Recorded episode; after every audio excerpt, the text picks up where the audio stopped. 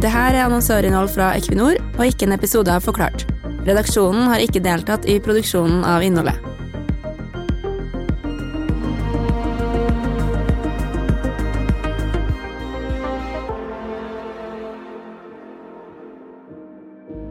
Hva skjedde egentlig med klimaet under korona, og har pandemien lært oss noe om handlekraft? Det er tema for andre episode i denne podkastserien, spilt inn fra studio og hjemmekontor i Oslo, Bergen og Trondheim. Vi har med oss leder i Zero, Marius Holm, bærekraftstrateg i Sveko og leder av Om i morgen-stiftelsen, Silje Skjelsvik, og Henriette Undrum, som leder arbeidet med å få Equinor til å levere på sine klimaambisjoner i Norge. Men vi starter denne episoden med å ta en prat med klimaforsker og leder av Bjerknessenteret, Tore Furuvik. Hva kan du si om situasjonen i naturen og klimaendringene akkurat nå, og hvordan har utviklinga vært det siste året?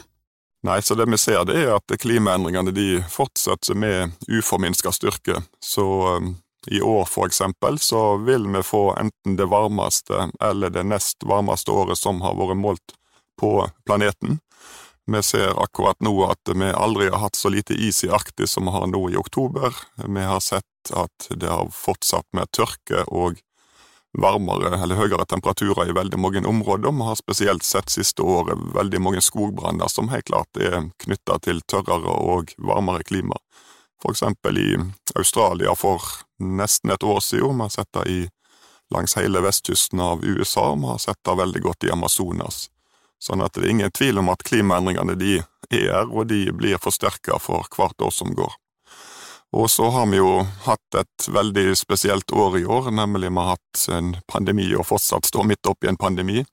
Og det har ført til eh, en god del mindre utslipp i år enn det som vi hadde i fjor, og en regner vel med at vi vil få omtrent en 7 eh, nedgang i CO2-utslippene i år. Det er iallfall de siste beregningene fra Det internasjonale energibyrået. 7% nedgang, det høres jo veldig bra ut egentlig for klimaet, men hvordan eh, slags effekt vil det ha på klimaet egentlig? Ja, 7 eh, eh, reduksjon i år, det er, og for så vidt 7 reduksjon hvert eneste år framover, det er omtrent det som forskerne har sagt at vi må ha for å klare å holde oss innenfor halvannengradersmålet.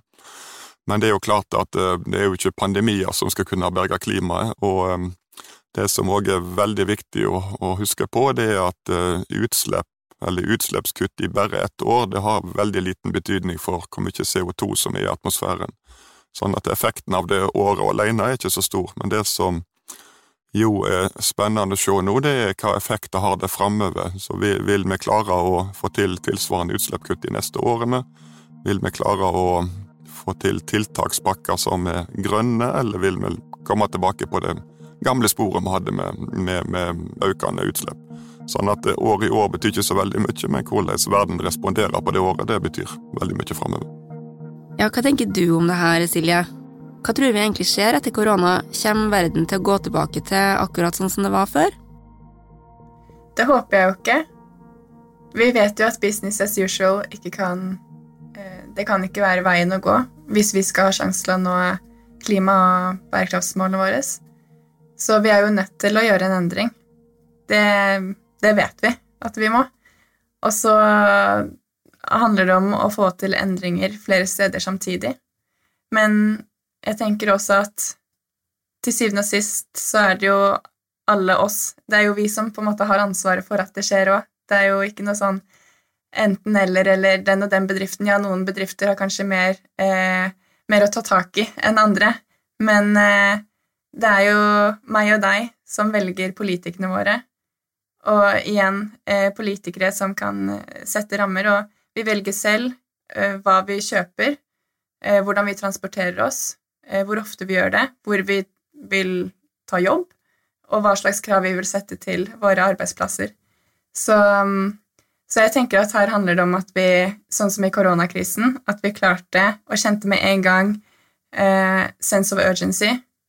Vi handlet raskt fordi vi måtte, og vi klarte da å samarbeide på tvers av fagfelt, sektorer og landegrenser. Så vi vet at vi kan, og det er jo et utrolig godt utgangspunkt eh, til også eh, på en god måte takle klimakrisen.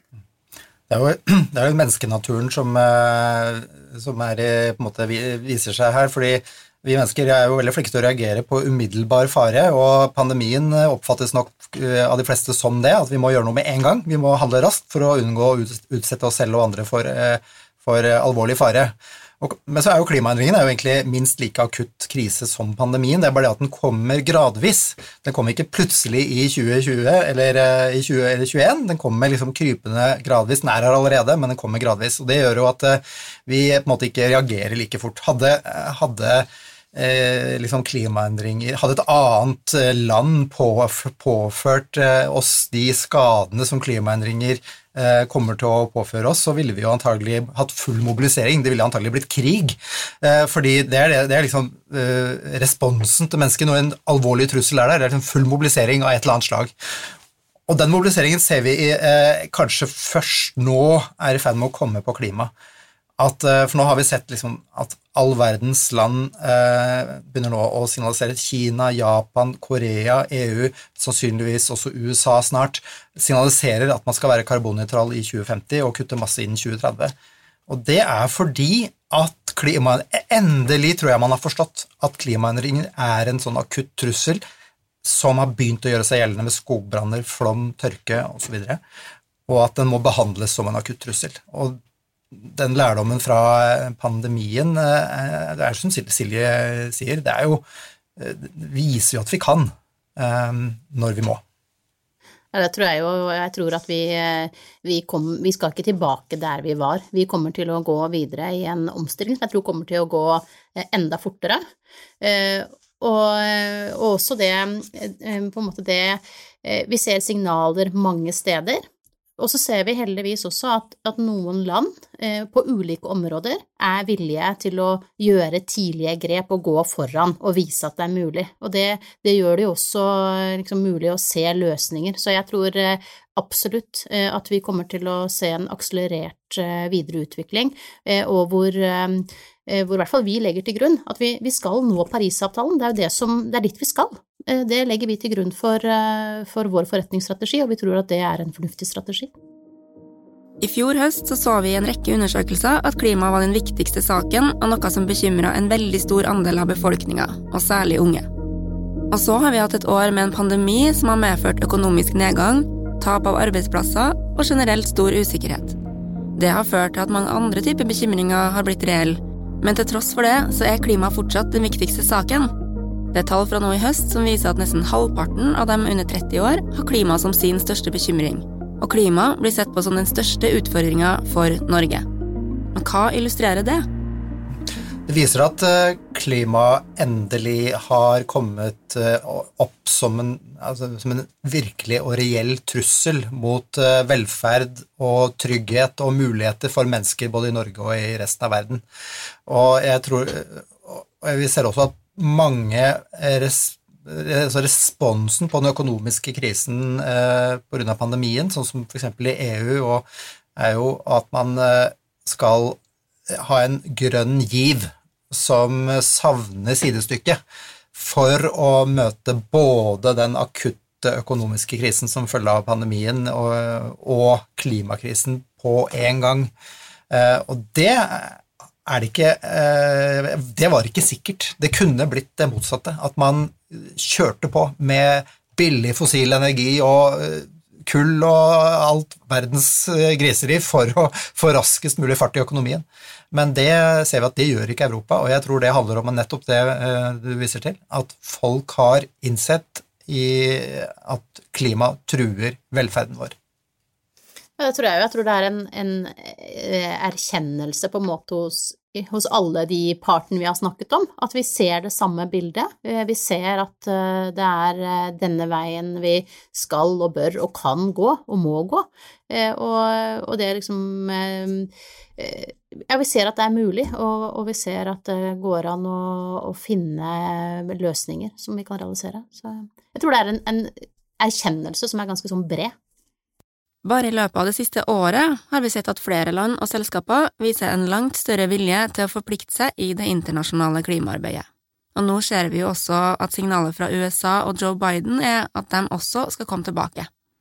Parisavtalen slår fast at vi skal gjøre det vi kan for at verdens gjennomsnittstemperatur ikke skal stige mer enn 1,5 til 2 grader før slutten av århundret. Vi hører igjen med forsker Tore Furuvik om hvordan vi ligger an på målene. Ja, så det enkle svaret er at vi ligger veldig dårlig an.